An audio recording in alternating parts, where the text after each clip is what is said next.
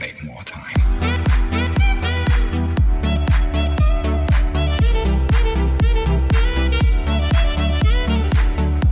Hai, apa kabar Sobat Unala? You decide, we provide. Tanya, tanya Nala. Kali ini kita kedatangan tamu yang luar biasa. Ada Mbak Kalis Badiasi.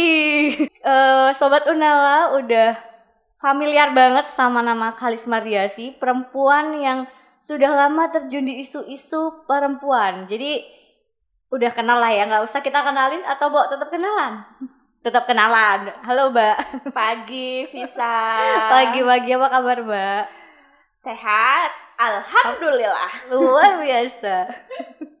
ya, tiga bulan, berapa bulan kita gak ketemu tuh udah berbulan-bulan, setengah tahun kayaknya ada. Iya, enam bulan. Terakhir di projectnya Unala yang terakhir udah akhir tahun 2019 lama banget ya. Iya lama banget ya, kita ke Gunung Kidul ya.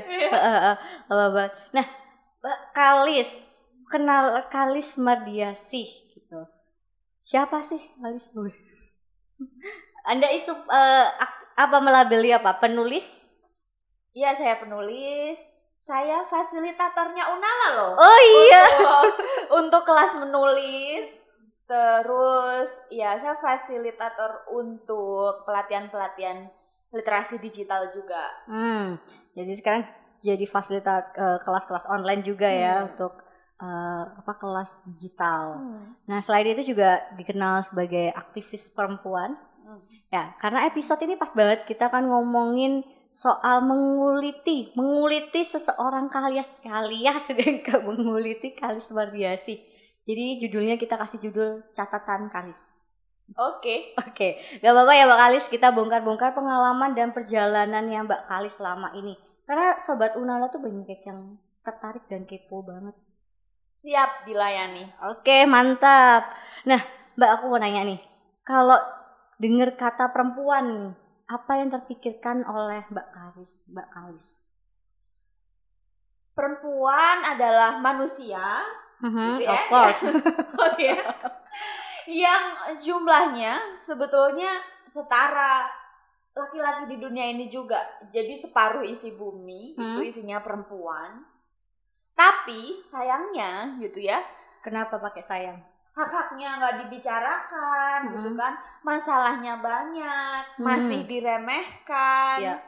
Sedih deh pokoknya Visa. Jadi kalau ngomongin perempuan banyak sedihnya apa enggak sih? Banyak sedihnya. Oh, kenapa kok jadi banyak sedihnya? Karena apa tuh? Ya macam-macam urusannya banyak. Kalau yang di advokasi Unala aja eh, kesehatan reproduksi misalnya Mm-mm. ya, tapi akses layanan kesehatannya belum memadai, nggak Mm-mm. setara. Jangankan jauh-jauh yang di luar Jawa, di Jogja aja misalnya yang pelosok dikit, puskesmas sudah jarang, Iya. dokter udah jarang Hmm. bidan jangankan yang ramah remaja atau ramah perempuan bidan yang biasa-biasa aja jarang Iya, iya, iya. Jadi susah aksesnya kalau perempuan mau melahirkan banyak yang di TV harus perjuangan banget ya turun Betul. gunung kayak gitu. Itu yang Hmm. dimaksud Mbak Kalis ya Mm-mm. ciri-cirinya. Oke, kan banyak yang penasaran nih. Sejak kapan Mbak Kalis ini mulai terjun di isu perempuan? sebetulnya eh, sejak kuliah aku membaca ya banyak literatur tentang perempuan cuman kalau menulis secara serius tentang perempuan mungkin empat tahun terakhir Empat tahun terakhir. Hmm. Kenapa terus itu fokus menulis perempuan? Hmm. Gak nulis yang lain juga? kebetulan enggak Hmm. kecuali isu-isu sehari-hari juga masih ya Hmm. tapi memang kebanyakan isu perempuan Saking berarti banyak banget ya Mbak iya yang bisa itu dibahas. menariknya gitu jadi bahkan ada temenku Hmm. yang bertanya kok kamu bisa sih selama empat tahun terakhir tuh nulis tentang perempuan aja Mm-mm. kamu nggak kehabisan bahan Nah itu. Buktinya enggak. Jadi kayak kalau dipikir-pikir aku di Instagram itu kan juga update setiap hari kan. Mm-mm. post tiap hari di tweet nge-tweet tiap hari tentang perempuan. Dan emang gak habis-habis yang dibahas. Saking banyaknya yang masih harus dibahas. Berarti itu tadi yang dibilang perempuan itu jadi apa ya spesial, jadi banyak apa ya masalahnya tadi. Hmm. kok jadi masalah sih? Apa ya? Memang masalah. Tidak apa-apa. Oh tidak apa-apa ya. Nah itu tertarik ngomongin isu perempuan emang dari eh, diri sendiri juga perempuan Hmm. atau lihat permasalahan perempuan itu banyak Hmm. kayak gitu kenapa saja tentu saja karena aku perempuan gitu Hmm. ya. Kemudian aku menyadari ada banyak hal dalam diriku, misalnya nih, aku kemudian ingat pengalaman masa remajaku ketika aku pertama kali dapat menstruasi. Yang di situ ketika aku terpapar isu perempuan, oh iya ya, ternyata sejak remaja aku itu bahkan nggak didampingi siapa-siapa loh dalam mengenal tubuhku, Hmm. dalam apa ya isu kesehatan reproduksi sendiri karena ya itu tabu dibicarakan Mm-mm. dalam keluarga di sekolah juga nggak dapat pengetahuan itu karena dulu sekolahku nun jauh di kota Blora di pojok Jawa Tengah sana misalnya kayak Mm-mm. gitu terus ada banyak hal misalnya ketika aku melihat tetangga-tetanggaku ya eh, perempuan-perempuan miskin gitu. Terus ya ampun sebetulnya mereka berhak ya atas kualitas hidup yang lebih baik. Andai saja dulu mereka diberi akses pendidikan yang lebih tinggi Mm-mm. gitu. Terus misalnya eh, kalau sama-sama eh, yang pendidikan rendah aja skill yang dimiliki laki-laki di desa itu lebih banyak daripada skill yang dimiliki oleh perempuan di desa karena perempuan di desa itu cuma nyapu masak Hmm, domestik gitu-gitu. gitu ya yang kadang-kadang nggak bisa nggak ada nilai ekonominya. Kalau ada nilai ekonominya tuh rendah sekali kan pekerjaan-pekerjaan rumah, Mm-mm. rumah tangga itu gitu misalnya. Terus kemudian apalagi terpapar isu perempuan dan media gitu ya ngeliat di TV semua perempuan kok cantik semua hidungnya tinggi-tinggi semua bibirnya tipis-tipis semua. Apa kabar diriku yang hidungnya belangsak kayak gini kulitnya ngelupas-ngelupas kayak ular kobra gitu Hmm. kan. Jadi terus kemudian mempertanyakan gitu nilai-nilai diri perempuan nilai-nilai diri kita yang paling dekat ya. Eh, kemudian bertemu dengan konsep oh self love itu kayak gimana gitu oke menerima tubuh sendiri, mencintai rambut yang kita punya, mencintai kaki yang kita punya, mencintai seutuhnya kemampuan yang kita punya, Hmm. kayak gitu. Karena perempuan ternyata tantangannya besar dari norma tradisional yang ada di budaya sekitar kita, Mm-mm. dari pemahaman nilai-nilai agama yang tradisional juga, Hmm. terus belum lagi dari industri kapitalis ya tadi udah ceritain. industri iklan industri film Mm-mm. macem-macem deh pokoknya kayak kita ketika keluar rumah tuh ah tantangannya tuh semua perempuan deh pokoknya semuanya pokoknya melekat ke perempuan Hmm. gitu ya tadi menarik banget sih Pak Mbak Kalis bilang soal akses pendidikan ya aku sadar sih ternyata nggak semua perempuan atau ya nggak semua ya nggak semua perempuan itu punya akses pendidikan yang baik. Jadi kalau ketika orang punya pengetahuan terus dia internalisasi ke diri jadi merubah sikap dia. Kayak Mbak Kalis bilang oh kalau perempuan punya pendidikan soal tubuhan ketubuhan gitu. Mungkin dia eh, bisa juga kalau di Unala kan ada beberapa yang konsultasi tuh yang kayak masih banyak kok eh, anak-anak anak-anak sorry eh, teman-teman remaja ini eh, waktu menstruasi dia bahkan nggak ngerti cara mencuci pembalut masang pembalut aja kebalik gitu. Hmm. terus eh ada yang beranggapan kalau misalnya pembalut itu ya apa namanya eh bukan jadi hal yang penting ada yang nggak punya akses ekonomi bahkan nggak nggak bisa beli pembalut jadi isu-isu tersendiri juga sih. Hmm. benar Eh mungkin ada aku mau tanya nih mbak. Eh tadi salah satu yang disebutkan tantangannya adalah soal eh, pemahaman nilai-nilai eh, agama yang tradisional Hmm. itu maksudnya gimana tantangan itu Iya, yang paling sering kita dengar aja ya, misalnya seperti eh, pertanyaan-pertanyaan yang paling sering ku dapatkan Mm-mm. dari pembaca bukuku, misalnya Mbak, apa benar sih laki-laki itu harus selalu yang jadi pemimpin? Hmm. Jadi perempuan tuh nggak boleh jadi pemimpin ya? Nah, yang Mm-mm, pertanyaan kan kayak gitu. Terus kemudian yang kedua misalnya, Mbak apa benar sih tugas perempuan dalam hubungan itu hanya melayani laki-laki? Hmm. Misalnya kayak gitu tuh kan sering banget ya Iya, iya. kita dengar. Terus ada banyak vis misalnya apalagi yang pemahaman-pemahaman yang membolehkan kekerasan terhadap perempuan. Misalnya Oh. kalau di pengajian-pengajian tuh masih sering diulang-ulang yang istri yang menolak untuk melayani hubungan seksual dengan suaminya itu Mhm. akan dikutuki malaikat dari maghrib sampai subuh kayak Mhm. gitu-gitu tuh masih sering loh diulang-ulang dalam pengajian-pengajian kayak gitu. Nah itu yang tentu saja kemudian bisa kita bicarakan baik-baik secara adat ya. Jadi Mm-mm. ya kita harus mendiskusikan itu dong gitu. Misalnya aja kayak kalau apa- apakah benar yang boleh jadi pemimpin itu cuma laki-laki? Enggak kok, di Unala pemimpinnya semua perempuan gitu Iya, kan. iya. Saya dulu kepala sekolah SD saya perempuan. Terus banyak banget kepala kantor, kepala perusahaan hari ini perempuan. Bisa nggak mereka memimpin? Bisa kan? Gitu. Mm-mm. Baik-baik aja tuh organisasinya gitu. Jadi kenapa enggak? Kayak gitu. Iya, Jadi eh, tantangan nilainya seperti itu yang dimaksud. Hmm. Oke, jadi lebih jelas Kak Kalis.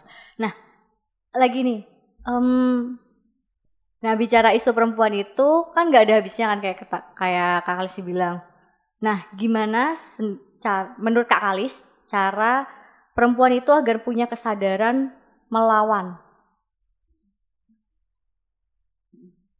kesadaran melawan itu biasanya memang paling nyata kalau kitanya sendiri yang mengalami. Mm-mm. Jadi memang sulit bagi orang yang nggak mengalami terus kita suruh ikut-ikutan melawan gitu loh.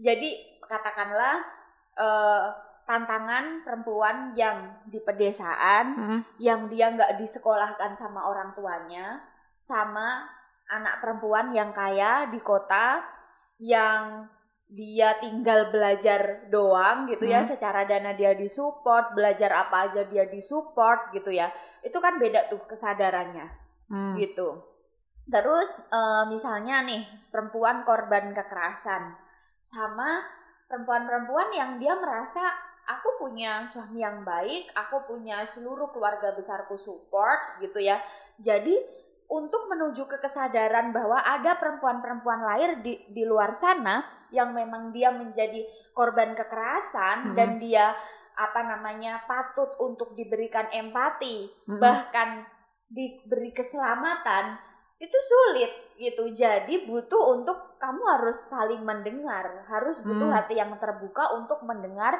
pengalaman perempuan lain misalnya seperti korban perkosaan misalnya kan banyak banget tuh orang yang kemudian nyalain eh, salah siapa pulang malam ya kan kamu pakai baju Apa? apa salah siapa kamu kerja dia di SPG. Mm-mm. gitu kan pulang malam-malam sendirian kayak gitu nah tapi kan orang-orang ini kamu hanya bisa ngata-ngatain orang itu padahal korban kekerasan di sini dia merasa itu terjadi aku ketika memakai pakaian yang sopan gitu dan itu memang sudah profesiku Mm-mm. pekerjaanku kayak gitu jadi dia harus bercerita kepada orang yang tidak mengalami gitu. Mm.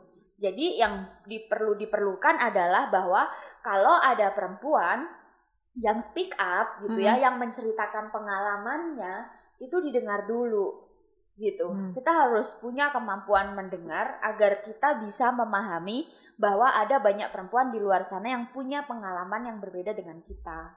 Hmm, Jadi emang perlu skill mendengar tanpa Hmm. kita harus eh, merasakan juga, maksudnya ikut punya pengalaman yang sama Betul. itu. Misal kayak eh, yang debat nggak selesai-selesai juga kan, misal ibu menyusui Heeh. dan ibu-ibu yang mengalami eh, tantangan yang berbeda Bekerja. ketika fase menyusui kayak gitu.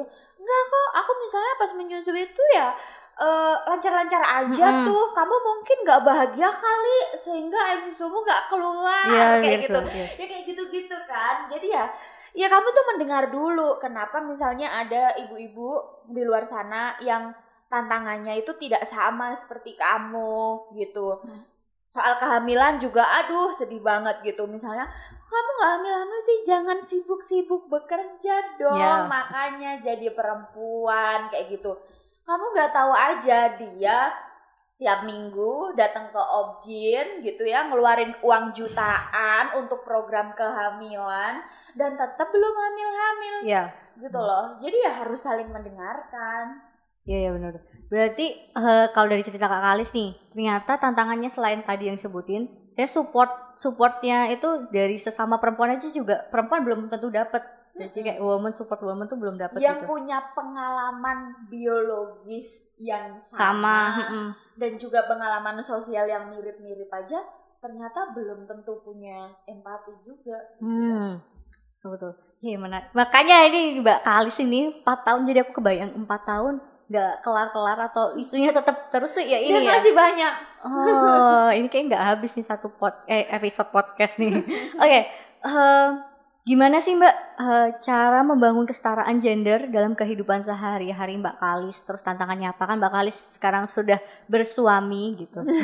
Atau kan nggak usah bersuami juga kita tetap punya eh, membangun dong. kesetaraan gender kan? Relasi kan nggak Mm-mm. hanya sama pasangan aja Mm-mm. gitu. Kamu sama teman, sama bapakmu di rumah juga relasi Iya, iya sih. gitu. Sama teman kerja juga relasi Mm-mm. gitu. Kalau nggak setara payah juga tuh. Iya, agak agak kolaps apalagi eh, kita kan hidupnya di tengah lingkungan yang patriarki nih gitu. Hmm. Nah kalau tantangan Mbak Kalis sendiri apa? Apa jangan-jangan Mbak Kalis lingkungannya juga nggak patriarki gitu? Buatku kalau untuk kesetaraan gender di masyarakat dua belah pihak Mm-mm. harus sama-sama terbuka gitu. Misalnya dari perempuannya dulu, ya kamu harus sadar kalau kamu mau setara, ya kamu jangan manja terus, jangan minta dispesialkan misalnya di dalam masyarakat. Hmm. Eh ambilin dong, aku kan perempuan. Oh, Eh bayarin dong makannya yang aku kan perempuan gitu.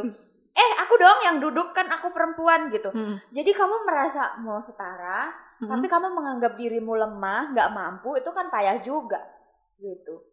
Iya. Di sisi lain yang dari laki-laki juga begitu, gitu. Karena kamu menyadari bahwa perempuan punya kondisi-kondisi khusus, misalnya menstruasi, melahirkan, menyusui, yang kondisi-kondisi khusus itu memang harus diberi fasilitas, gitu. Oh, jadi Jangan malah dibuat makin menderita. Jadi kalau ada teman sekantor kamu lagi menstruasi gitu ya, terus dia ada hambatan-hambatan tertentu, ya ditanya kebutuhannya apa gitu. Hmm. Aku bisa bantu apa gitu. Bukan malah diledek-ledekin. Makanya kamu tuh sadar perempuan menstruasi, kamu itu nggak bisa memimpin emosi kamu naik turun bla bla bla. Iya, Nggak iya. gitu caranya juga gitu loh. Iya banyak yang kayak gitu katanya. eh, berarti kalau eh, setara itu artinya perempuan itu nggak boleh manja. Berarti kalau setara itu eh, nggak boleh lemah kan ber- eh, berarti kalau setara itu ya ngapain sih harus ada cuti haid gitu kan emang dasarnya udah ada eh, perempuan kan memang haid terus katanya tadi nggak boleh manja ngapain terus ada cuti haid gitu biasanya ada yang tanya-tanya itu kayak pemahaman yang salah. gitu. Hmm. gitu. Nah, di situ kan letak kesetaraan sebetulnya di situ menyadari bahwa perempuan ini punya kondisi khusus dan pengalaman khusus secara biologis Hmm. gitu. Menstruasi, melahirkan, menyusui gitu. Itu tuh pengalaman itu diterima dulu, Hmm. lalu difasilitasi, Hmm. disadari, dimudahkan sehingga perempuan tetap bisa jalan bareng-bareng dengan laki-laki yang nggak punya pengalaman kayak gitu. gitu loh. Hmm. Jadi bukan akhirnya dima- bukan maunya dimanja, tapi Hmm. emang karena punya kondisi biologis yang berbeda. Jangan- Menstruasi itu bukan privilege, tapi tantangan. Oh, iya gitu. iya benar. Kemarin aku baca tuh di timeline Twitter ya. Mm-mm. Jadi gini, gimana sih ini ibu-ibu yang menyusui pada work from home mulu gitu. Privilege banget ibu-ibu yang menyusui bisa work from home mulu. Menyusui itu bukan privilege gitu Mm-mm, loh. mm-mm. Menyusui itu keadaan yang nggak bisa ditolak sama perempuan Iya. gitu. Sehingga yang perlu didorong adalah bagaimana agar sistem kita memfasilitasi ibu-ibu yang menyusui agar punya cuti yang lebih lama barangkali. Atau punya sistem yang misalnya mengatur agar eh, pekerjaannya itu atau aktivitas menyusui dan pekerjaannya itu bisa saling sinergi. Kayak Iya. gitu-gitu gitu. Ya benar. Karena menyusui kan juga eh, butuh tantangan psikologi sendiri Hmm. juga, ya eh, fisiknya juga. Ya ya. Oke, jadi gitu teman-teman. Jadi nggak bukan karena dalam arti terus eh, setara tuh perempuan tuh eh, mau dimanja atau lemah atau yang sering didengar eh, pengen melebihi laki-laki Hmm, hmm. kayak gitu.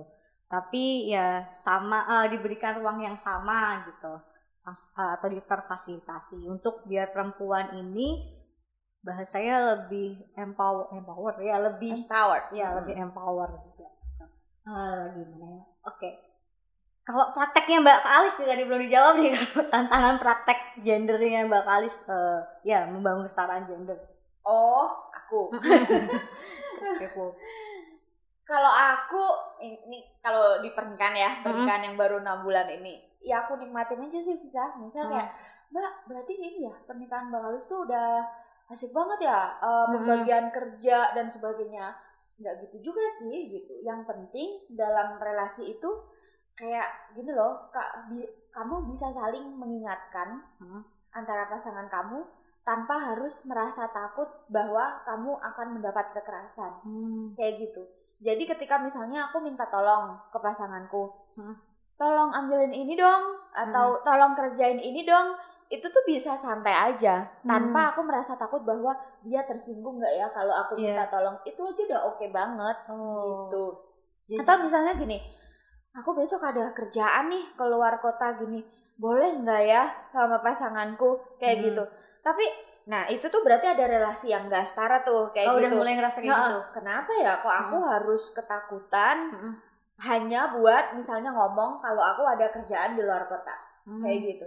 Karena intinya kesepakatannya dalam relasi yang setara itu ya ya terserah maksudnya kamu punya bisnismu sendiri, kamu punya agendamu sendiri, Hmm. tapi yang penting adalah komunikasi yang lancar gitu, Hmm. berkompromi, kesediaan untuk saling berbagi dan menerima itu loh sebetulnya. Quotable banget ya Fiza. Iya ini bagus. Aku dari tadi dengerin tuh sambil mikir, oh ini mana gitu. Oke. Eh, lanjut ya kak. Nah kalau kak Kalis lihat sendiri nih, potret perempuan di Indonesia sekarang tuh kayak gimana sih kak? tentu saja kalau kita ngomong progres pasti progres gitu. Hmm. Progresnya tuh dibandingkan tahun berapa gitu. Iya, ya kadang kalau dari zaman Kartini hidup ya progres banget lah gitu. Iya. Ja- tahun 1900-an misalnya yang bisa sekolah tuh cuma anak bupati Hmm. segala macam. Sekarang yang dapat beasiswa ke luar negeri semua semua tuh udah nggak dilihat kamu anak siapa Hmm. kayak gitu kan semua orang bisa akses pendidikan ya walaupun ya beda lah misalnya anak yang terpapar informasi karena kita di kota benar. dengan yang mereka di kampung yang informasi datangnya telat jadi mau apply ternyata ya ini kan udah dua bulan Dua yang lalu. lalu gitu karena Iya iya. informasinya Lagi-lagi datangnya telat. Mm-mm. Terus kemudian ya fasilitas kesehatan udah semakin baik juga misalnya Teru- dan sepertinya semakin merata ya. Maksudnya kalau aku ngelihat di kampung halamanku sepertinya juga sudah baik gitu Hmm. misalnya. Eh, di bidang politik juga semakin banyak kita lihat perempuan di politik walaupun secara sistem ya masih banyak banget tantangannya Yang gitu, perempuan cuma misalnya. jadi token gitu. Hmm.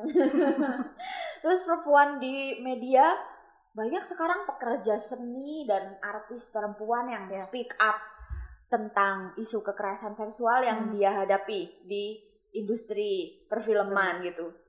Itu oke banget gitu. Itu belum muncul bahkan lima tahun lalu, tiga tahun lalu. Tapi kalau kita ngelihat dua tahun terakhir ini tuh kayak semua pada speak up. Mereka minta ruang yang aman juga untuk Hmm. pekerja seni dan film. Itu kan keren banget gitu. Terus karena internet misalnya anak-anak muda sekarang tuh udah terpapar banget sama isu kesehatan reproduksi, isu kesetaraan dan lain-lain yang yang pun kok aku dulu nggak sekeren anak-anak muda zaman sekarang gitu loh. Udah jadi beda, ya semakin beda generasi semakin bagus ya mungkin Hmm. jadinya ada progresnya. Karena akses eh, informasi tadi. Ya walaupun belum semuanya ya. Nah ini Mbak terakhir nih solusi dari Mbak Kali sendiri nih dari persoalan-persoalan perempuan tadi kan banyak banget dari kapitalisasi eh, industri pendidikan terus dan lain sebagainya gitu. Itu apa misalnya itu.